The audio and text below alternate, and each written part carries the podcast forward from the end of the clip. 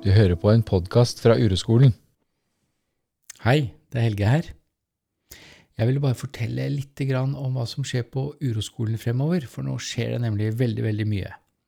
I tillegg til alle de individualtimene vi har, én til én, både på vårt nye kontor i Oslo og på nettet, online-timer med urolærerne, så har vi også eh, muligheter for å lære og bli inspirert sammen med andre elever.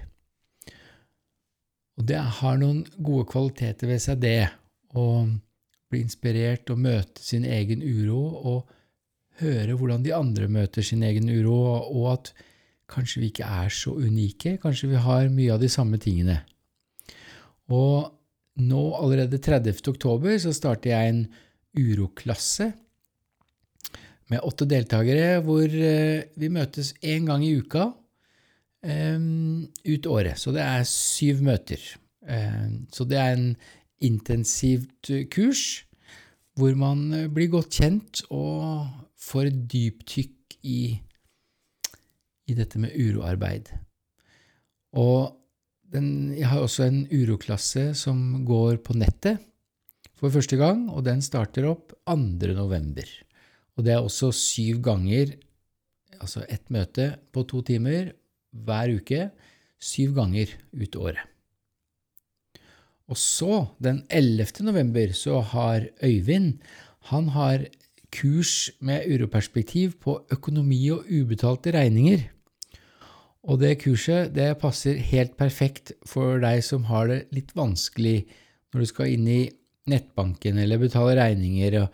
eller ha, har et ubehag når du skal ordne opp i ting som du bare må gjøre.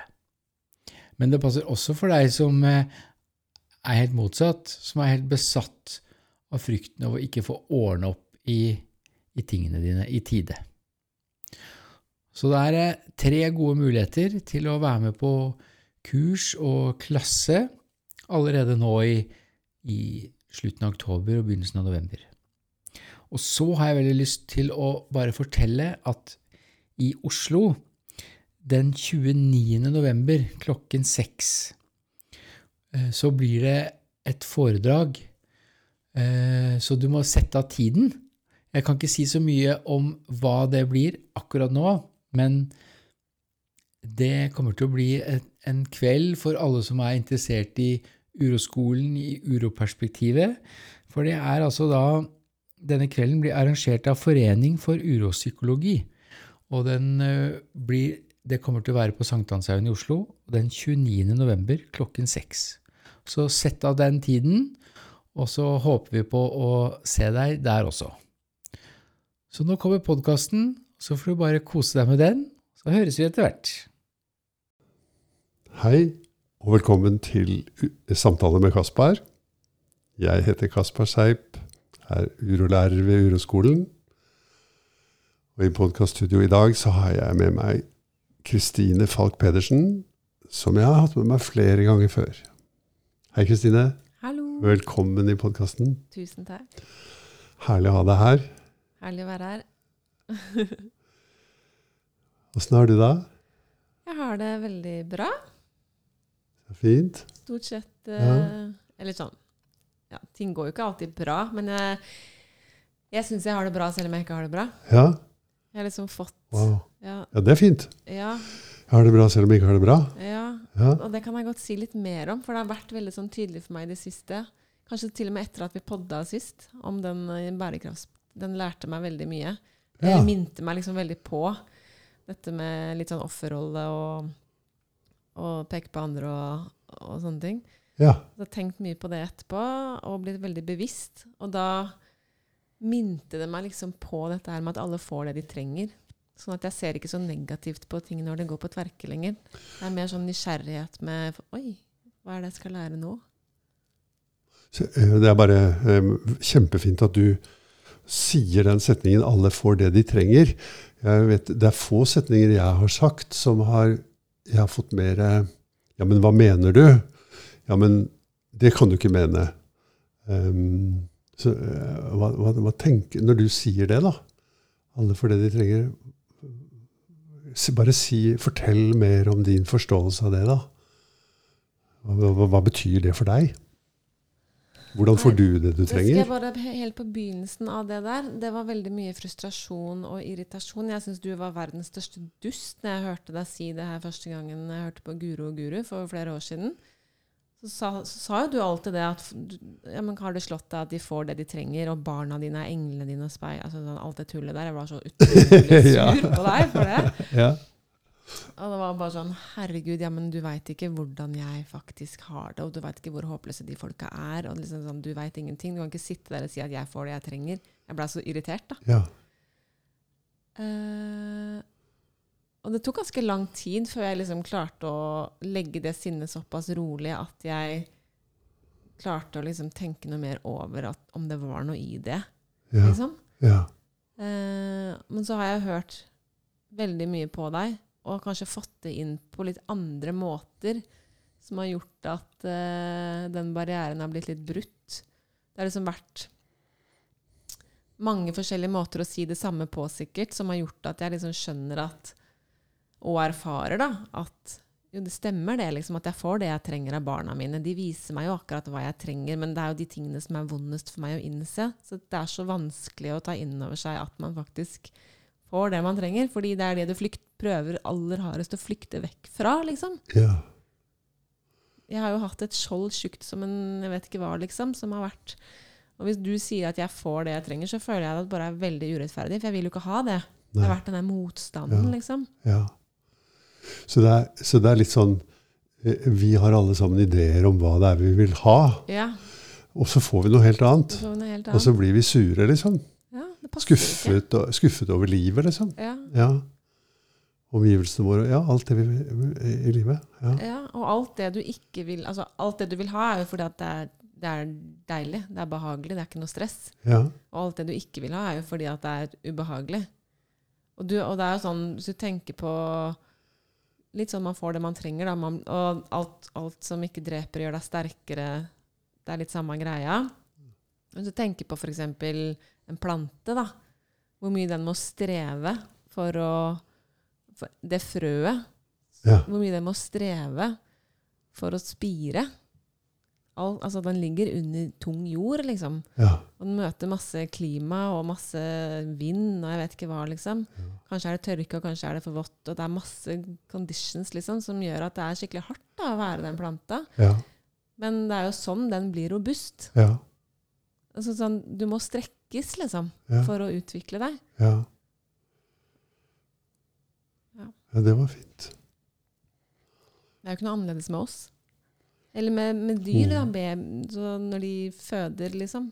Det er jo kjempeforsvarsløse små ting som har det kjempevanskelig og tungt i starten.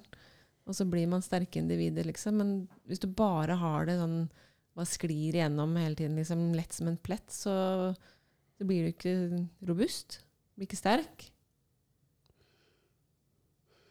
Um, det er en veldig vesentlig forskjell mellom oss og dyr og planter. Da. Og det at vi har meninger om virkeligheten. Vi har tanker og kommentarer til virkeligheten, og intensjoner. Altså vi, vi ønsker oss ditt og datt. Mens eh, det ser ikke ut som Kanskje noen dyr gjør, kan gjøre det bitte lite grann. Eh, jeg ser for Når jeg går på tur med påstand, så kan han gå ved siden av meg, og så ser han opp på meg. Og så ser han opp på meg, og så ser han opp på meg, og så ser han opp på meg. Og da eh, Han er jo glad for at han får øyekontakt, ser det ut som. Han er fornøyd med det, men det er også veldig tydelig at han, han vil ha en eller annen eh, greie som han har lært at han får ved å se på meg. Ja. Ja. Så han har lært eh, å ha en intensjon da, med den, med den atferden. Mens jeg tror at menneskene ikke har lært å ha en intensjon. Det er noe som følger med det å være menneske. At vi, med, at vi har ideer om hvordan virkeligheten burde være. Det følger liksom med oss, da. Mm. Jeg vet ikke om det finnes mennesker uten Jeg tror ikke det finnes det. Altså Hvis du ser på det å leve i en kultur En kultur er jo på en måte bare at man, er, at man har felles preferanser. Da. da blir det en kultur. Man har felles oppfatning av hvordan virkeligheten burde være. Og så lager vi det sammen. Og så blir det normen, liksom. Ja, Mm. det er, det, det er sånn kulturen dannes. Og de som ikke vil være med på det, de er utafor den kulturen. De er de andre. Ja. Så det er en veldig forskjell. ikke sant? Og så, vi vet jo hvordan vi vil ha det. Vi vil ha det behagelig. Vi vil ikke ha det ubehagelig. Selv om vi kanskje innerst inne vet det som du sa i stad, nemlig at det er ubehag som er veien til vekst. Ja, Men du vet ikke det når du har det ubehagelig, for da Nei. har du ikke kontakt med det. Nei, ikke i det hele tatt. Det er bare, vi har bare kontakt med Rømming, liksom. At det er så veldig ubehagelig. Og, Ja. og uh, motstanden mot det. Ja. Så det er jo en veldig viktig grunn til at vi sitter her. Det er jo også, og som, at jeg gjør den jobben jeg gjør, det er jo å lære folk å gjenkjenne motstand og gjenkjenne ubehag. Og så etter hvert få erfaring. Det er litt sånn, jeg pleier å si til folk at det, det rommet vi sitter i nå, som er mitt kontor, det er et treningsstudio. Og det treningsstudio det er et sted hvor man trener på en ferdighet. Og det er ikke å løfte jern eller noe sånt, eller å spille piano, men det er fer den ferdigheten å gjenkjenne uro og ubehag, og å romme det. Mm. Og gi, med, bruke viljen til å være sammen med det, istedenfor å falle inn i det automatiske som fins i alle mennesker, og som er strategiene for å unnslippe uroen. Mm. Så det er, trening, det er velkommen til treningsstudio. Ja, takk. Ja. ja. Så det er, det er fint. Eh, Det er det vi driver med, da, på alle mulige måter. Og så snakket vi jo sist gang om eh, det der med at eh, vi syns det Det er jo bare to steder det kan være noe gærent. Enten er det noe gærent med meg selv. Jeg har jo trodd mesteparten av livet at det er noe gærent med meg. Mm. Uh, og alternativet til det er jo at det er noe gærent med noen andre når det gjør vondt. Ja. Det er noe som er gærent et sted. Ja, Eller det skal ikke gjøre vondt. da. Når det gjør vondt, så er det feil. Ja, så er det en feil, ikke sant. Ja. Ja. Det er veldig fint å kunne peke på den feilen, for da, du må jo finne feilen Ja. for å løse den. Ja. er liksom første tanken. Ja. Den skal bort. Hvor er den? Eller hva, hvem må endre seg? Jeg har jo alltid vært veldig preget av at noen andre må endre seg for at jeg skal bli lykkelig. Mhm. Om det er mamma eller pappa eller venner eller kjæreste eller altså det er, det er noe utenfor meg selv som må endre seg, Mm. og så tror jeg at det skal bli bra. ja. Noen ganger har du også trodd at det er noe innenfor deg som skal endre seg. Ja, ja, definitivt det også. Alle de tingene vi tror om håret ditt er feil, eller tanken dine er feil, eller følelsen dine er feil, eller Mm, hva som helst. liksom. mm. Mm. Sånn som vi tror. Lengden din, jeg vet ikke. Jeg har i hvert fall vært, Ja, det det. hatt veldig feil lengde. Ja. Ja, sånne ting. Mm. Ja, det, er, det er nettopp det. Så der ser vi også det med løsningsmodus. Da, at det er naturlig for menneskesinnet å gå inn i løsningsmodus og forsøke å, å definere og finne og identifisere det som er feil, og så prøve å fikse det, løse problemet, Mm. slik at feilen skal bli borte. Og Det eneste problemet med den formen for alt er at det ikke funker. Eh, Den funker kjempedårlig. Og så en Ja. annen ting jeg hadde lyst til å si, var at når jeg klarer å se på det som er vondt og vanskelig, mm. med et annet blikk enn at det er feil, mm. men med nysgjerrighet på at Oi, hva er det eh, Hvorfor skjer dette? Ja, Hva skal jeg lære av dette? ja. Så det, da betyr det jo egentlig at jeg står i uroen. Da, da klarer jeg å stå og kjenne at nå er jeg urolig. Og så når jeg klarer det For jeg syns det har vært så skummelt å, å stå i uroen og ikke være løsningsorientert. fordi det blir jeg sånn Ja, men da skjer det jo ingenting, da. ja. Har jeg liksom tenkt skal jeg bare sitte her og dingle liksom resten av livet? Ikke, altså bare godta alt? Ja, men skal man ikke gjøre noe, liksom? Ja. Ja. Ref liksom bærekraftpraten og alt dette her, Mhm. liksom. Blir sånn, men alle kan ikke bare sitte med armene rett ned, liksom. Mm. Men så kjenner jeg det at når jeg klarer å gjøre det lite grann, mm.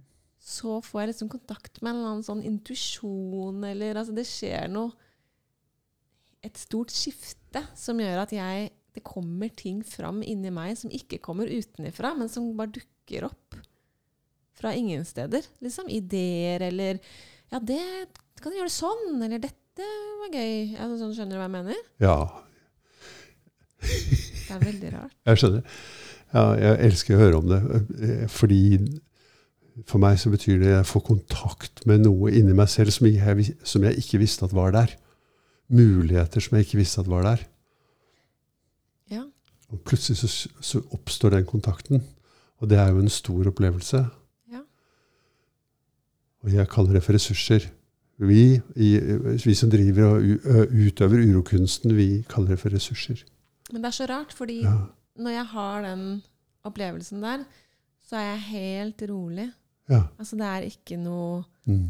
Jeg, jeg sammenligner meg ikke med noe rundt meg. Det ing, det har, det, alt utenfor meg selv er helt irrelevant, Mm. som gjør at jeg er ikke noe stressa for klimaet lenger. Mm. Skjønner du? Ja. Jeg er mer sånn Jeg bare ordner meg sjæl innenfor min lille sfære her, jeg, og så går det bra, liksom. Mm. Det, det er helt sånn Det kommer fra et helt annet sted. Mm. Kanskje vi kan slippe å holde på å diskutere det hele tiden. Hvis det hadde hatt en veldig god effekt å diskutere det hele tiden, så hadde jeg sagt, da hadde jeg klappet igjen og sagt la oss diskutere det. Ser det ut som om det å diskutere det hele tiden har en god effekt? Eh, jeg vet jo at det riktige svaret er nei, men samtidig så syns jeg at det er veldig viktig at noen gjør noe. Ja. Hvis ingen hadde gjort noe, så hadde det ikke, heller ikke skjedd noe. Men det er bare sånn hvor gjør man det? Hvilket sted gjør du det fra, da? Mm. Gjør du det for å redde verden, liksom, du alene, så blir du stressa. Da blir det ingen gode tanker, og da blir det altså, sånn Det er ikke bærekraftig. Mm. mens, mens man kanskje kommer på andre måter å snakke om ting på når man ikke er så stressa, da. Når det ikke er sånn press. Akkurat som du sa i stad. Hvis jeg stopper, hvis jeg rommer uroen, rommer presset For press er et annet navn på uro, og stress er et annet navn på uro. Hvis jeg rommer det, så oppstår det ting inni meg som er nye. Som er sånne åpninger mot virkeligheten som gjør at noe som ikke var mulig, kan bli mulig. En annen ting jeg har tenkt på etter det Ja. vi snakka om sist, apropos det her, da, og Ja. folk får det de trenger, så er det sånn Når jeg begynte å snakke forrige podkast, så var jeg veldig sånn på hugget. ikke sant? Jeg hadde skrevet en rant på Facebook og bare Fy fader, nå må vi skjerpe oss, liksom. Uh, og, Ja, det er sant. Ja, ikke Det hadde du. Ja. Ja, og så Og jeg var liksom veldig sånn Litt sånn Greta Thunberg, da, som du kalte, kalte noen. At man er liksom sånn peker rundt, og alle må skjerpe seg, og nå må vi redde verden, vi vet svaret, og nå må vi bare gjøre det, liksom. Men det er ikke min jobb å ordne rundt, så Altså, det er ikke min jobb å redde verden. Fordi hvis Altså, alle får det de trenger til enhver tid. Så jeg får det jeg trenger, og må ta ansvar for å stå i det. Og så må du ta imot det du får servert, som du trenger for å utvikle deg selv. Jeg kan ikke drive og ordne opp så ikke du får det du trenger. Skjønner du hva jeg mener? ja. Jeg må ikke Redde meg fra det jeg trenger, ja, liksom. Ja. Mm. At kanskje man bare skal Det er kanskje bare Alle får det de trenger, og det ordner seg, liksom. Ja. Det kommer jo veldig an på hva man mener med å ordne seg. Hvis ordne seg blir For da er vi tilbake til det. At sinnet vårt sier at det ordner seg. Da er jo alt i orden. Da, er, da er, har man ikke noe vondt. Da er det ikke ting vanskelig lenger. Det er jo ikke det vi mener med å ordne seg. Absolutt ikke. Nei.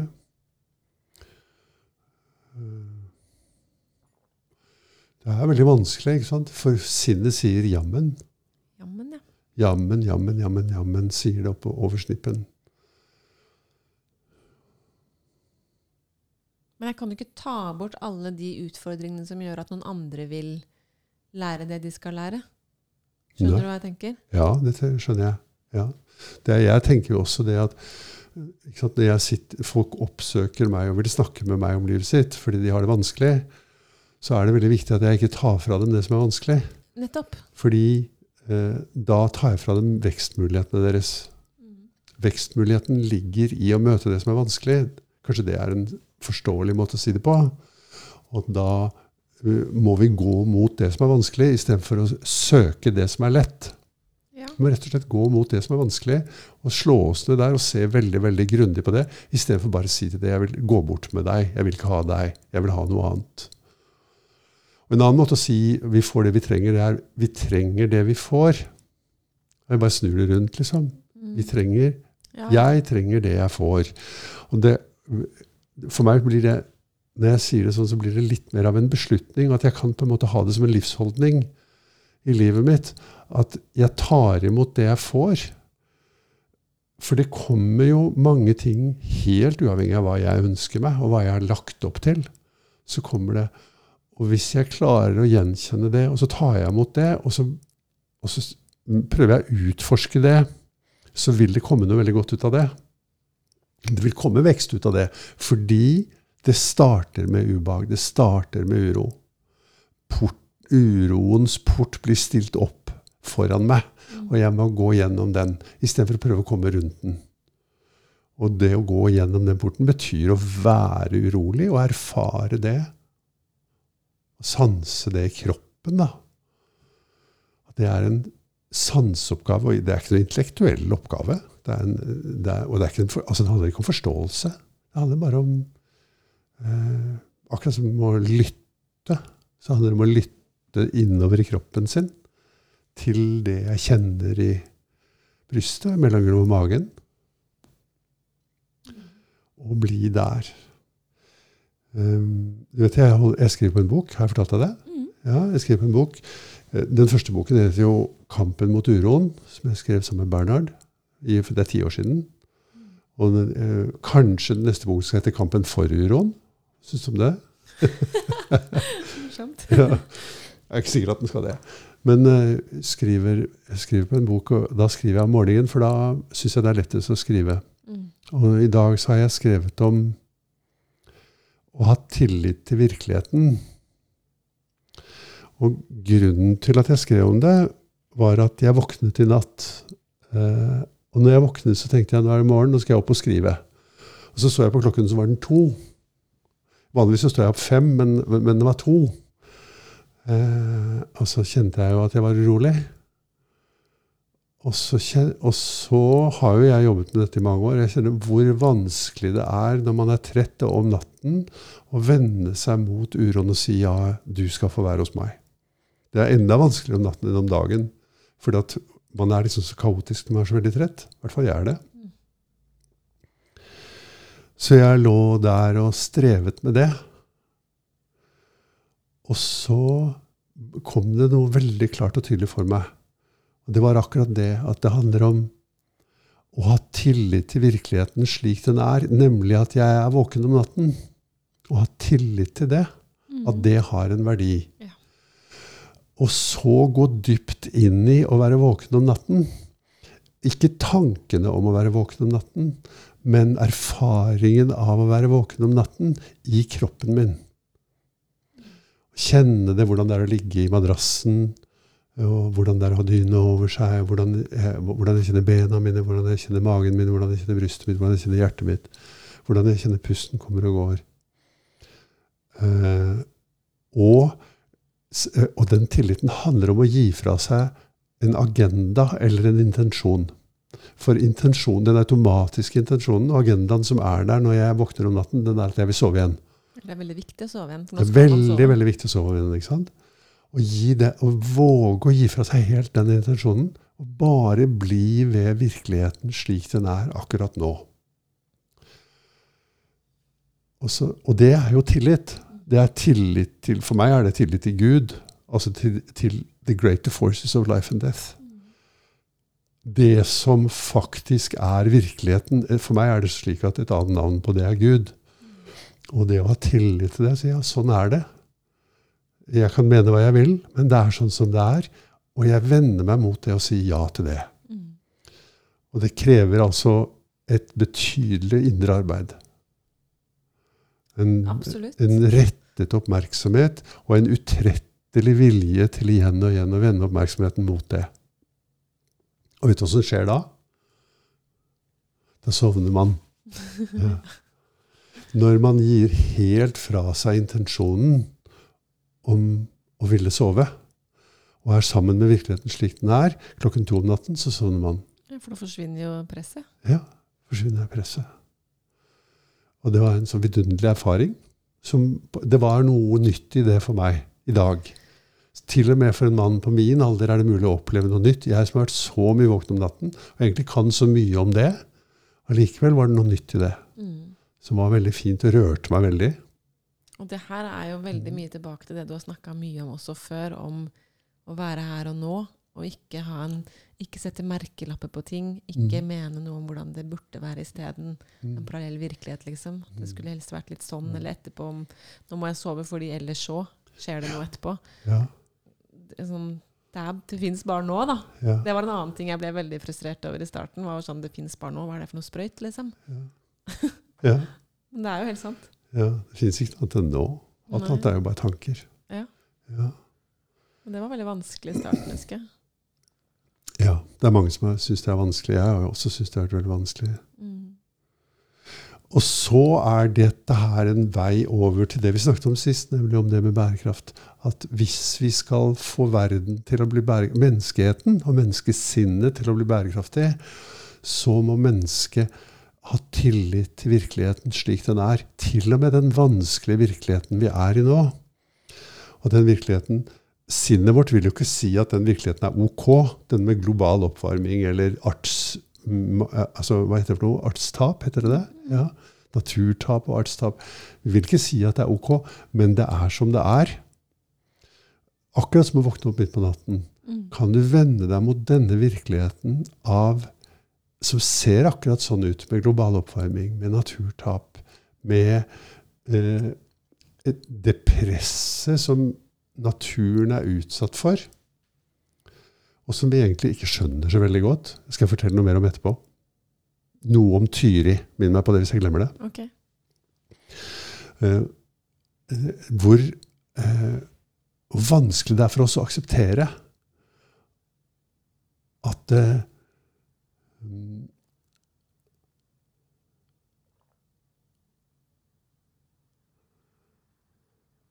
Den virkeligheten vi har, bærer i seg alle muligheter. Til og, med for, og, og de mulighetene vet vi ikke noe om. Men de blir virkeliggjort gjennom det at vi våger å slå oss ned sammen med den virkeligheten, akkurat som du beskrev innledningsvis. Istedenfor at vi løper rundt og sier noen må gjøre noe. Mm. Ja. Jeg skal fortelle en lille eh, digresjon da, om Tyri. Fordi jeg, både Helge og jeg, vi leser, altså Helge, min kollega Helge, og jeg, vi leser en bok av en veldig fantastisk forfatter som heter Anne Sverdrup Tygeson, som er hennes siste bok som handler om skogen. Hun er altså biolog, tror jeg, og jobber på Ås. Ja. Eh, jeg tror hun er professor, er hun ikke det da? Er det ikke det er høyt utdanna, i hvert fall. Ja. Og så um, har hun skrevet en bok om Og så er hun insektforsker. Og så, så I går kveld så snakket jeg med Helge i telefonen, han hadde lest litt i den boken. Både han og jeg leser den boken. Det er en veldig fantastisk bok, egentlig. Um, og så har jo han og jeg vært mye på tur, og noen ganger så finner vi Tyri, og så er vi så glad vi finner Tyri, og så tenner vi på et bål med Tyri, liksom. Og så har han akkurat lest om mikrolivet i Tyri. Om at i Tyri så er det helt bestemt mikroliv som ikke er i noe annet, og som er veldig, veldig gammelt. Fordi at noen av de Tyri-stubbene og gamle Og Tyri, for de som ikke veit hva det er, det er altså eh, Det er det fettet som er inni furuved. Det kaller vi Tyri. Den oljen som stivner og blir til harpiks.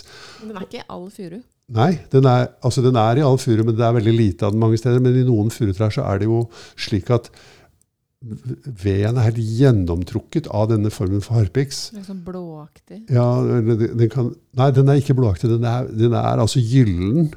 Eh, blåved i furu er faktisk noe annet. Oi, er det det? Ja. Den er gyllen og brun, sånn at når du ser for en vegg med furupanel, så ser du at den har en brun kjerneved, og så er den lysere ved lenger ut i stammen. Og den brune den er impregnert med harpik, så den kan, den kan selv om treet er dødt, så kan det stå i mange hundre år etter at det er dødd, fordi at det blir så veldig sterkt. Og det er, det er impregnert mot fuktighet og dermed mot bakterier. Men det er jo allikevel et mikroliv inni der som er tilpasset akkurat den det bestemte habitatet som det er inni et slikt dødt tre. Da. Mm. Og så forteller hun Anne, Anne, som har skrevet denne boken, da, om hvor viktig det er å være klar over eh, det, fordi at der fins det arter og en type liv som ikke finnes noen andre steder. Og altså, jeg tror at hvis vi hadde vært mye, mye færre mennesker på jorden, og vi hadde levd med totalt sett hatt mye mindre trykk mot naturen, så ville det ikke vært så farlig om vi tente bål og sånn av Tyri. Eh, fordi at det ville ikke gått så mye med. ikke sant? Det ville vært så mye færre bål og så mye færre mennesker som gjorde det, og så mye mindre Tyri som gikk med. Mm. Men sånn som det er nå, hvor alle artene er under sånn stress pga. at det er så mange faktorer som påvirker dem, så vil hver eneste tyrestubbe være av betydning eh, for å bevare det mikrolivet som har en egen vei. En ting er at mange tenker at ja, men det kan vi, bruke, det kan vi mennesker bruke til noe. Det er ikke sånn jeg tenker. Det har en egen Alle vesen har en egen verdi. Det, finnes, det er ikke sant, det som menneskesinnet tror, nemlig at noe er mer verdifullt enn noe annet. Sannheten er vi vet ingenting om det, men vi syns jo det er veldig mm, For vårt sinn er det nærliggende å kategorisere det slik at noe liv er mer verdifullt enn noe annet. Til og med når det gjelder mennesker, gjør vi jo det. Så jeg syns det, det er så spennende å lese, da. Og det er så viktig for meg, som liksom er en fyr som har levd i skogen hele mitt liv, og har et veldig nært forhold til skogen, også til Tyri. Og jeg har ikke tenkt over det der. Så plutselig ser jeg det at For, for jeg tenker på noe sånt, ja, det kan ikke være så farlig at akkurat jeg brenner det bålet. Men det er ikke sånn lenger. Det er åtte milliarder mennesker. Og trykket mot Tyrien er enormt. Mm. Akkurat som trykket mot resten av naturen. Og det er nødvendig å begynne å ha respekt for hver enkelt tyri, liksom hver enkelt stubbe, hver enkelt gamle dødt tre, Mm. istedenfor å tro at eh, det er til for å tilfredsstille vårt behov på en eller annen måte, enten som bål eller som råstoff for en, en eller annen industriell produksjon som vi drømmer om å lage. Da. Mm. Så den boken vil jeg anbefale alle mennesker å lese, for, som vil forstå mer om hvor, hvordan vårt liv, vårt menneskeliv, er vevet sammen med alt annet liv på jorden. Mm. At det ikke er mulig for oss å eh, forsyne oss uhemmet av naturressursene uten at det faller tilbake på Uten at arter dør, og uten at det faller tilbake på oss selv også fordi vi er avhengig av de artene vi har rundt oss. Vi er ikke atskilt fra dem. Det er kanskje til og med Eller det er ikke bare kanskje, slik det ser ut for meg, så er vi ett med alle arter. Definitivt. De minste mikrobene i en tyristubbe puster inn den luften som jeg har pustet ut, og jeg puster inn den luften de har pustet ut. Mm. Og det blir til min kropp. Tenk på det. Det er det der som jeg syns er så fint med det studiet som jeg tar nå, som heter regenerativt landbruk. Ja. For der er det bare De snakker bare om helhet, og alt er ett. Mm. Det er ikke noe skille mellom menneske og natur. Og det hjelper ikke å ha bønder som ikke lever regenerative liv. Altså de må være bærekraftige og være bonde, altså være menneske, da. Mm. I kontakt med jorda, ellers så Mm. går det ikke bra. Altså sånn, det er så stort. Det er et Mm. helt annet perspektiv enn at sånn, nå skal vi dyrke havre, da må vi ha på litt eh, gjødsel, og så må vi ha på litt sprøytemidler, og så blir det havre, liksom. Ja. Det er helt annerledes. Men du sier, det var interessant, for vi snakket om vi får det vi trenger, og, og så sier du da går det ikke bra, sier du. Eh, så er, her er det jo veldig vanskelig å sortere tankene, ikke sant? Eh, for v- v- tenk hvis vi sier at den virkeligheten vi har nå, er akkurat det vi trenger. Mm. Det vil si, virkeligheten nå er perfekt. Den ideen vi har om at virkeligheten nå er feil, er bare en idé, eller en kommentar til virkeligheten, som menneskesinnet, som det eneste sinnet antagelig, er i stand til å frembringe. Virkeligheten er som den er. Arter dør hver dag. Menneskehetens eh, livsbetingelser endrer seg radikalt. Det er perfekt. Og det er vondt at det er sånn, men det er perfekt. Og det er liksom det, det du sa i stad, at eh, kanskje hele verden nå bare må få alle, Altså befolkningen må tryne såpass hardt at vi våkner, typ, liksom. Som helhet. At det er det naturen Ja. Det må skje, liksom. Ja, Det er gjennom at det gjør vondt at vi utvikler oss, har vi sagt i denne podkasten. Så sa vi forrige gang også. Og nå begynner um, altså habitatet vårt å gjøre vondt. da. Mm. Det begynner å gjøre vondt for oss. Mm. Og da kanskje Når vi begynner å merke det, at det faktisk eh, virker på meg også, det gjør meg redd og usikker og urolig, Mm. så kan jeg gjøre noe annet med det enn bare løpe rundt og si at jeg vil ha det sånn som det var før. Uh, og jeg kan vende meg mot selve uroen. i tillit til at det vil åpne noe helt nytt. Slik du beskrev så fint i begynnelsen av denne podkasten. Mm.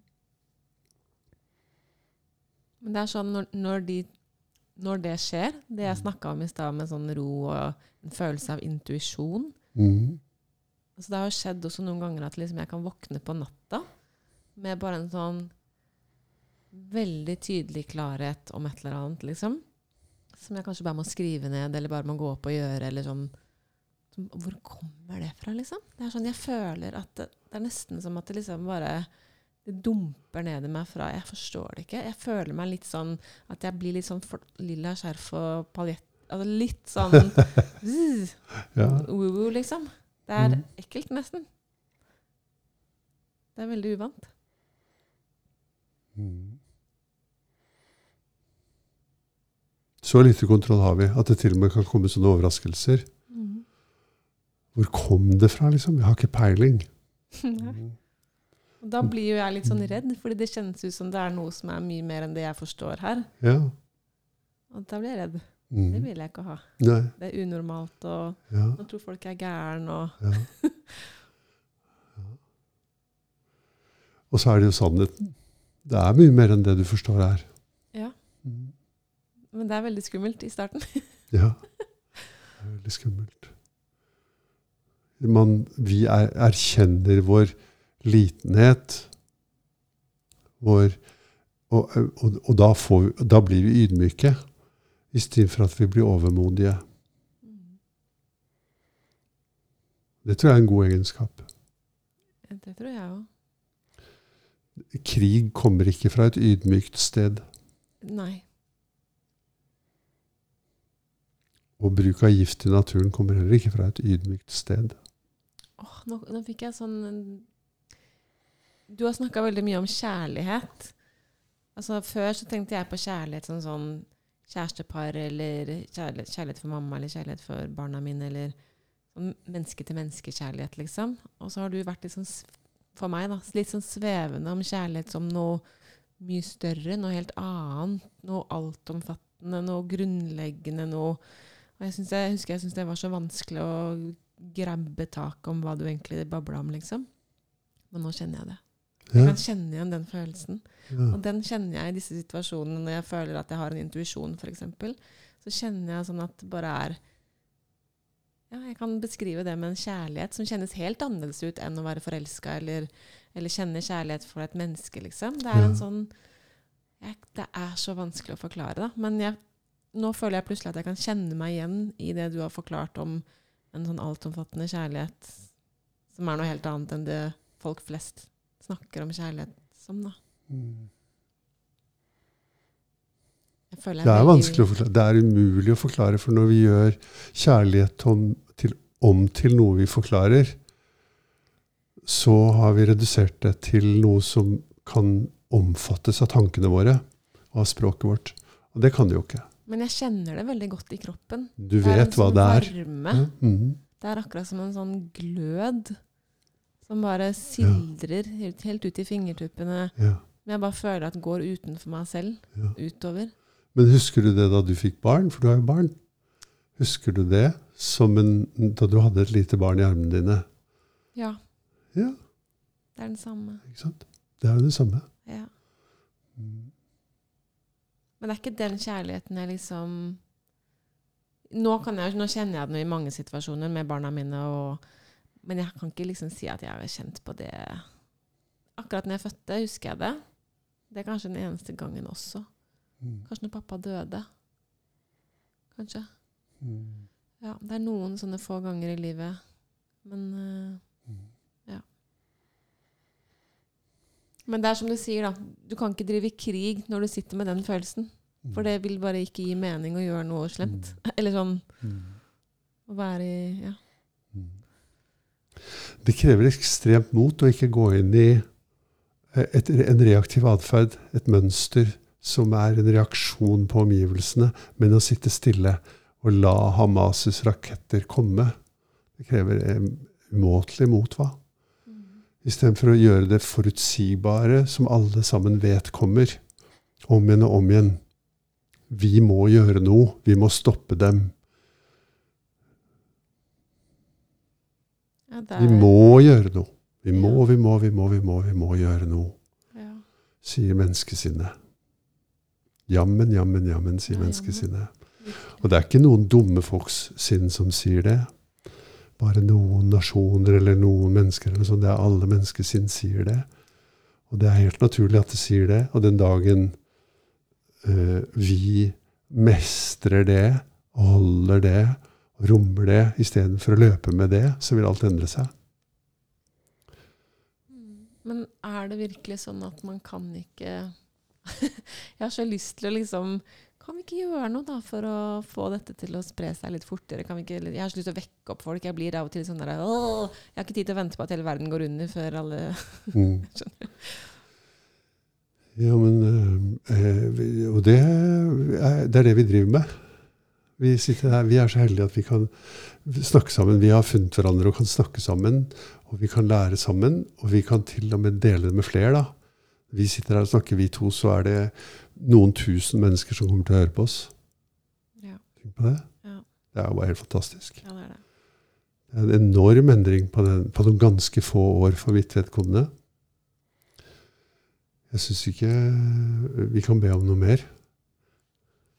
Men den frustrasjonen jeg kjenner når jeg sier sånne ting, da, da Mm. er jeg jo rett tilbake i et reaktivt mønster. At Ja. da, sant, plutselig så klarer jeg ikke å orker jeg ikke den uroen. Da så blir jeg sånn Nei, nå må vi få bort Ja. den, for nå må vi få vekka folk. Ja. Så det er jo ja, bare det, det er viktig at man liksom er litt Du skal være ganske på da, for å ta deg selv i alle disse tingene hele tiden. ja. Hva er det som er feil med denne virkeligheten?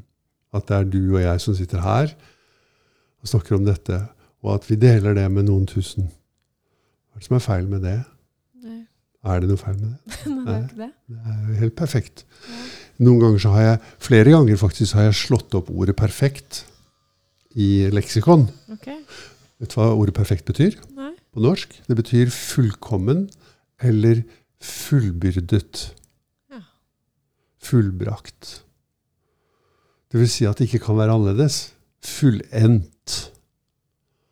Det kan ikke være annerledes. Mm. Det er det som menes med at virkeligheten er perfekt.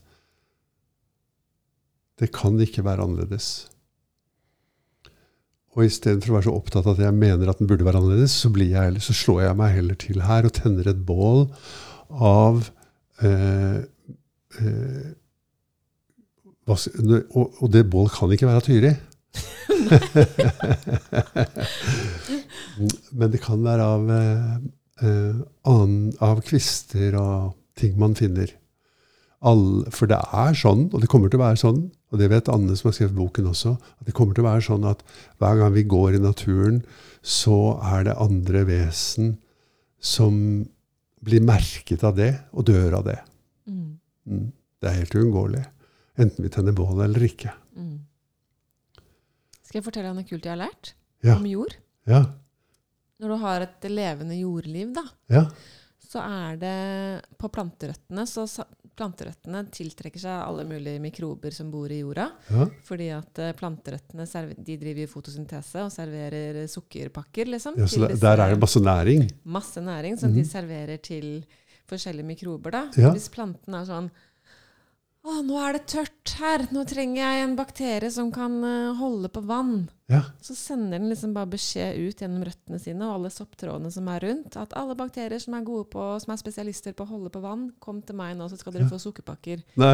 Jo, jo. Eller sånn Nå trenger jeg Ja. kalk. Ja. Eller nå trenger jeg eh, Nå er det for varmt. Nå er det for kaldt. Ja. Det er masse sånne eksperter som liksom kjører Så hvis det er for varmt i jorda, så tiltrekker den seg bakterier som kjøler ned jorda. Jeg visste ikke at det var mulig. Altså, det er et så intelligent system under bakken. Ikke jeg heller. Og bare det, bare det du sa med at ja, men planten leverer noe ned til omgivelsene sine. Jeg er vant til å tenke at ja, men plantens røtter er en del av planten som er under jorden, og det lever sitt eget liv, i motsetning til det som er utenfor planterøttene. Ja, men, de Men det du sier nå, det- er ett. Det er. Det er så mye kommunikasjon og samhandling som bare Og de er så avhengige av hverandre. Det er sånn Ja. Jeg klarer ikke å grave i bedene mine lenger. Nei. For jeg, jeg må ikke ødelegge noe, liksom. Ja. Ja. Apropos Tyri og morsomme mikroorganismer i ja. Ja.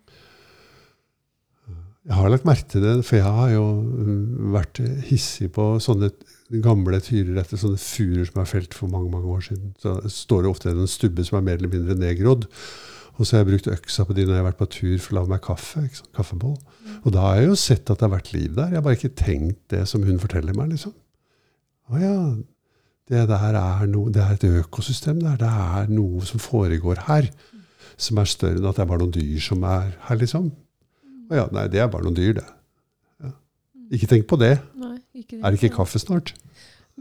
Det er Ola, min sønn, da, han er tolv år nå, og han er ganske sånn filosofisk av seg. Vi snakker mye om verdensrom og universet og evighet. Og, altså, han har, det er for stort for han, men han elsker å snakke om sånne ting. Og han og jeg har også snakka om det derre Mamma, tenk om noen ser på oss sånn som vi ser på en maurtue. Ja. At vi bare er en sånn liten koloni med noen sånne små dyr som driver og surrer rundt på en sånn liten ball. Mm. Og så står det noen som er mye altså sånn utafor jorden. Hvordan ser det ut for de som sitter og ser på oss? At kanskje Mm. vi bare er en sånn liten maurtue. Mm. Liten, uviktig Og så sitter vi her og tror vi er så store og viktige, liksom. Ja, Så rart. ja. Sånne ting kan barn tenke på. Ja. Ja.